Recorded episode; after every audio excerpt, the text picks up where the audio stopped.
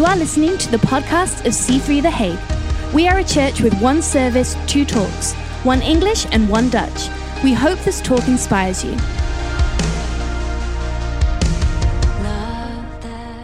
If you could go with me to Luke chapter 7, uh, Luke 7, verse 2 to 10, that will be amazing. I'm reading from the New Living Translation right now. And so I'm going to read this, then we're going to pray. And at the end of this message, um, we want to pray for every prayer request um, uh, that we might have. So if you have something, if you have a need for prayer, why don't you send us your prayer request right now or during this message? And we would love to pray for that um, during this message.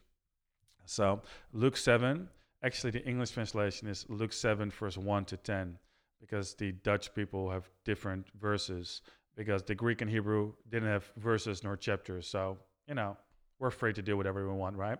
So, uh, Luke 7, it says, When Jesus had finished saying all this to the people, he returned to uh, this city. And at that time, a highly valued slave of a Roman officer was sick and near death.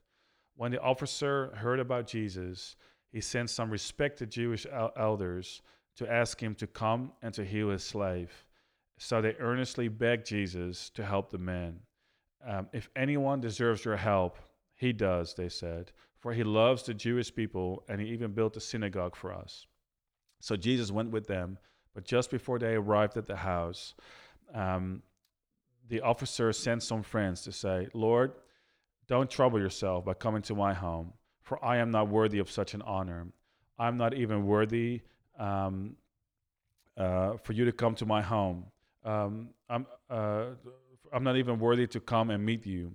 Just say the word. Listen to that. Just say the word from where you are, and my servant will be healed.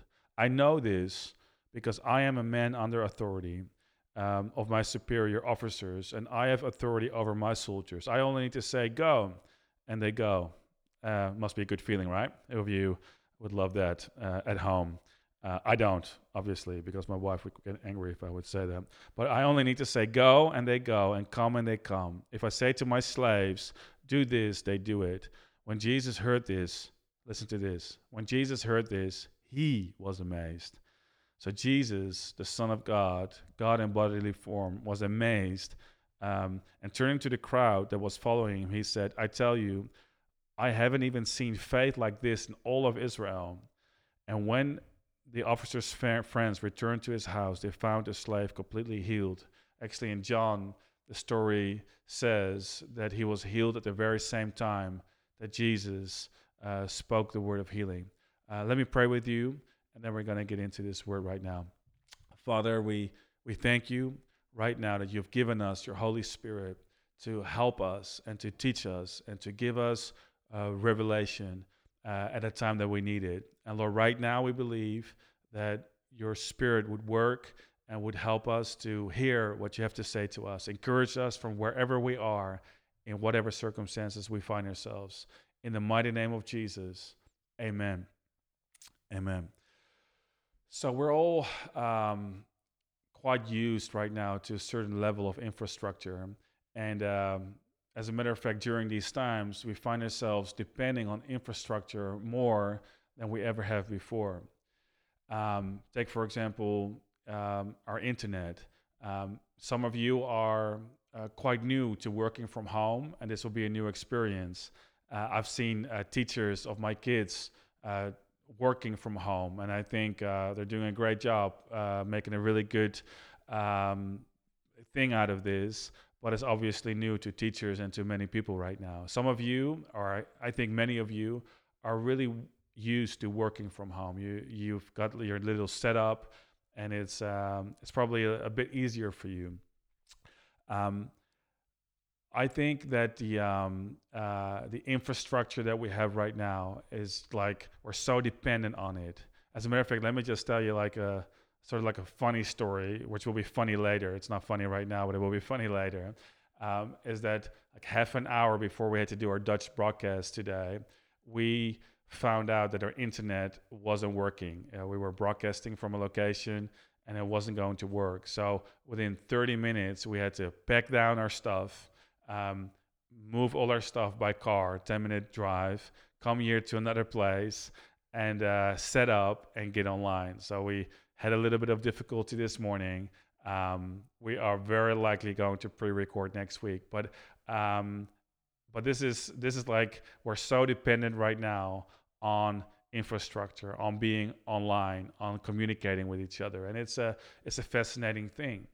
Um, the thing is, in Roman times or in Jesus's time, the infrastructure was highly dependent on the Roman army. Actually, Rome sort of was infrastructure.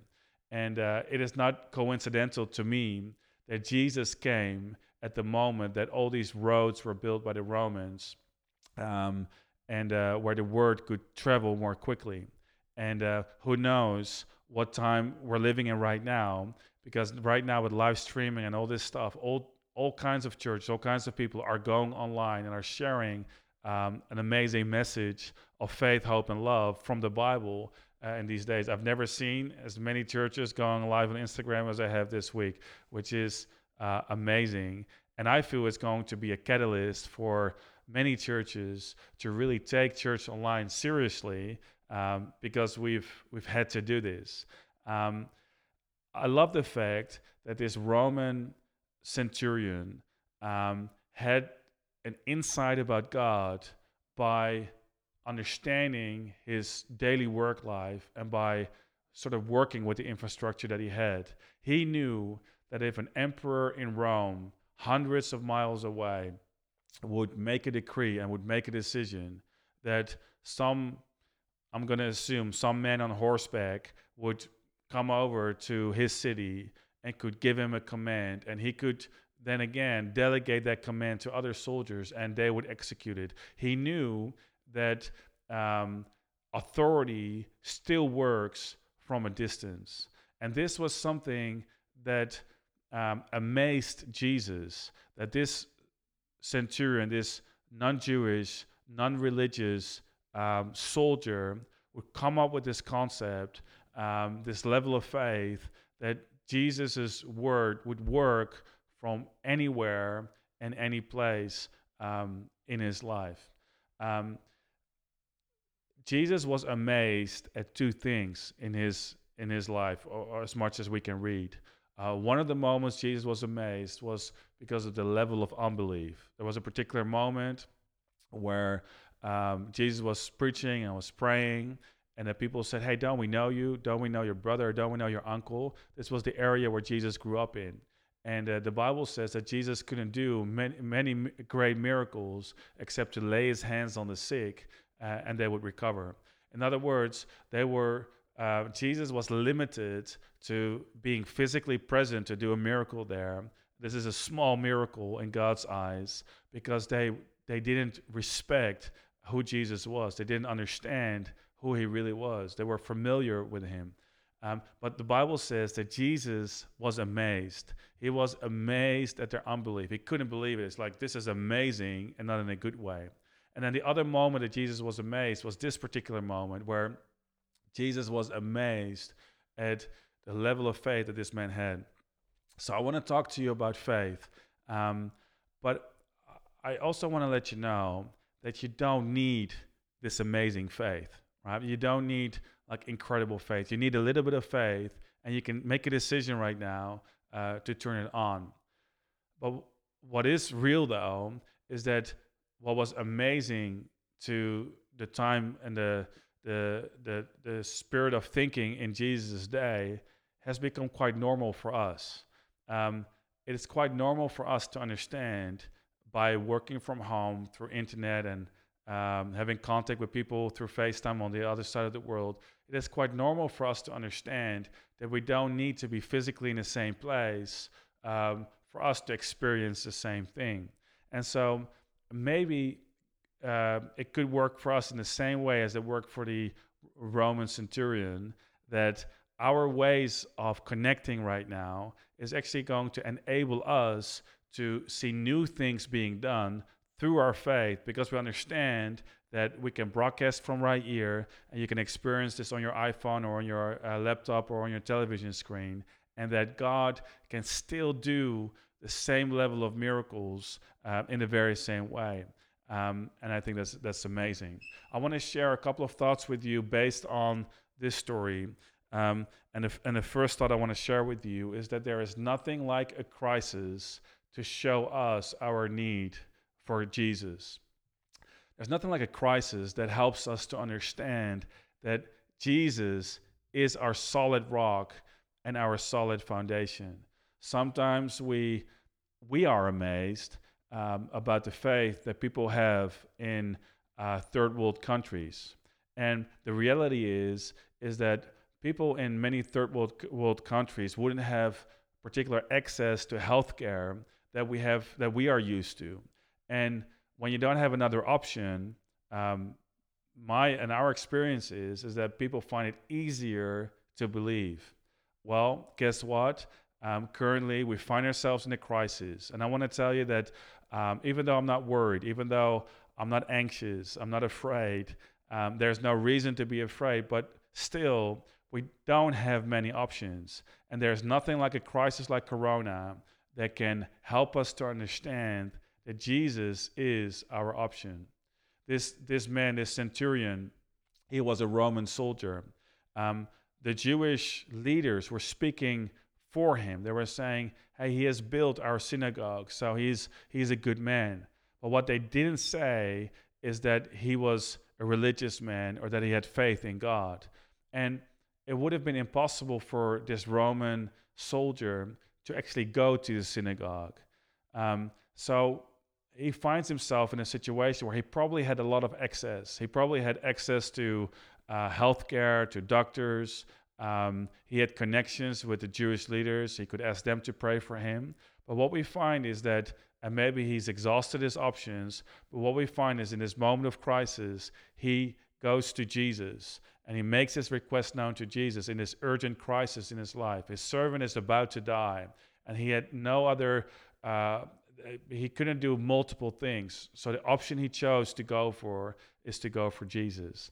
And friend, maybe this opportunity, maybe this crisis is an opportunity for us to renew our faith in Jesus Christ, to renew um, our awareness, to understand that Jesus is our only hope when it comes to eternal life, that Jesus is our only hope when it comes to the fears that the fear that we might face in our daily life. To understand that that maybe you've dropped your faith. Maybe you have maybe your faith is lying dormant. Maybe you haven't been praying as much. But right now this is an opportunity for you to pick it up again and to say jesus i need you. Um, this man had recommendations but um, uh, but he needed god and he he knew it so there's nothing like a crisis right now. And Corona, it is a serious circumstance. It is not lightweight. Uh, we don't have to be afraid, but we need to take it seriously. And um, right now, um, this is an opportunity for us to submit our prayer requests to God and to really believe that God is still the same as He was in the time that Jesus uh, walked the earth. Um, the other thought I want to share with you is that faith is not based, faith is not relying on a physical location. This man said, um, There's no need for you to come to my house. Um, we don't really need you to come and lay hands on the sick. And I'm aware that right now during Corona, uh, while the virus is is um, is going on, while people are at home, it might not be possible for us to physically go to every person and to pray with them it might not be possible to visit some people in hospital that you would like to visit. And the thinking that we can sometimes have is, well, if we cannot lay hands on people who are sick, then the power will somehow be less. But there was there was no less power in this particular miracle. The moment that Jesus spoke the word of healing, the the faith that this man had was the connector between the different locations that Jesus was at at the um, uh, and the location of this servant. And faith has the capacity to connect us together. Our faith has the capacity to enable us to meet together, even though it's virtually. Um, it is your faith. It's not just technology, but it is your faith that makes us a church together. This is a time to trust and to believe and to understand that the church will only get stronger, that God will only shine brighter when situations are darker, and that we're not relying on physical locations to see a miracle. You might have a person right now that you, you would like to lay hands on um, to pray for a miracle, but you're not able. Well, let's believe that God is still able to do the same thing. His word is still healing, His word is still going out, and we will still, still see miracles in our lives. It's interesting to me that Jesus said that um, you will do greater miracles than, than me. That's what he said. He says, You will do greater things, will you do than I am doing. And the thing is that I absolutely do not believe that that means that you personally will do greater things than Jesus has done. Jesus uh, died on the cross and took upon himself the sin of mankind. He was the first person to be resurrected from the dead. He is the firstborn. He was seated at the right hand of God the Father to, to uh, obtain a position of ultimate authority over life and over death. You and I, uh, individually, are not going to do greater things than Jesus. However, I believe Jesus said this so that we together collectively can do more than Jesus could do on the earth. Jesus was, even though his, his faith was wireless, Jesus was still limited to a physical location. But right now, through live stream, through being the church together, through us being spread all over this city and all over this region right now, we are able to do uh, miraculous things and we are able to see miracles happen in our living rooms and in all kinds of ways. So, to, together, collectively, as a church um, or as a body of Christ, we are able to do greater things than Jesus did on the earth. So, I want to tell you right now that faith is not limited on a physical location. Um, and so, um, I feel that's, that's extremely inspiring um, because um, we feel that we're limited right now. But I want to tell you that we're not. We're, uh, God is as unlimited as He ever has been. And, and so uh, that will give us, that can give us hope if we can believe that and accept that uh, God is able to work all things toward good right now. God is able to use this crisis. Romans 8:28 says that my God is able to work all things toward my good. Your God is able to work even a dark crisis. I'm not saying that God has created this this thing for us to somehow um, get some time off. Sometimes I've heard people say this, "Oh, this might be a, God's way of of helping us to uh, have a little bit of a break or to understand what's real." Well, I don't think God has created this, but I absolutely believe that He is able and that He will work this toward good, however dark your circumstances might look right now, however depressing situations might be right now. We're believing that our God is able to turn this toward your good. Um, if you love this, share this uh, in the online chat, and that will be amazing. Two thoughts I want to leave you with is that, first of all, I see in this story that faith is humble. Faith is it's quite the opposite of being uh, bragging and and, um, and being self reliant. Our faith is really humble. When this man came to Jesus, he didn't come himself, but he sent elders of the Jewish community um, with a message saying, This man is worthy. He's doing good things for the synagogue. Um, he did this um, surely because he believed that he himself had no right to make an appeal to ask Jesus to come and do a miracle for him.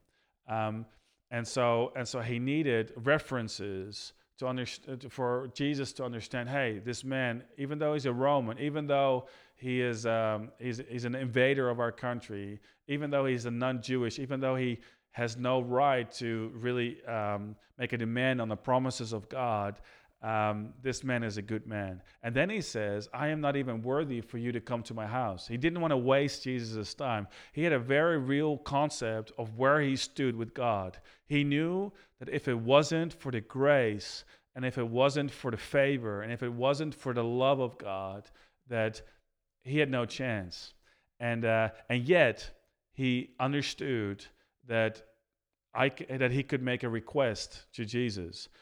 There doesn't seem to be a hesitance in his request. He, he, is, he is going to God and he's asking for help, even though he knows that he's not um, uh, perfect, even though he knows that he's falling short. And I want to tell you right now, you might have the feeling that your faith right now is not amazing. Maybe you're a little bit disappointed about some worries and concerns that you've been feeling. Maybe you've been a little bit stressed out. Like, to be quite honest, like some of us were this morning. I'm not going to name names right now, but like some of us were trying to get this whole live stream happening.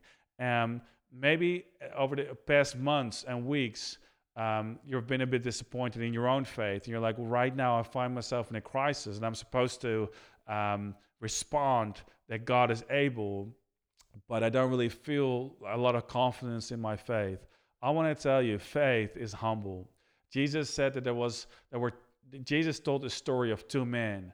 One of them was a Pharisee, and he and he prayed, God, I thank you that I'm more righteous than my neighbors, I'm more righteous than the others. And he had this this long and complicated theological prayer. And then there was this other guy, and Jesus said he was beating his chest, and he says, God, I'm a sinner. Save me, help me. And he had this short, non complicated, non theological, probably somewhat incorrect prayer. But Jesus said that the, uh, the Pharisee uh, went home disappointed, but the righteous man, the, the, or the simple prayer, um, would be heard. And I want to tell you right now that um, if we can be humble, if we can humble ourselves and accept that we need Jesus, that there is hope and that there is light, and that we, we can have access to a mir- miraculous working power from Jesus, that there can be peace in our hearts. We don't need to be complicated. And that's actually my last thought. Faith is simple. Faith is so simple. This, this whole way of thinking that this man had was not a complicated way of thinking.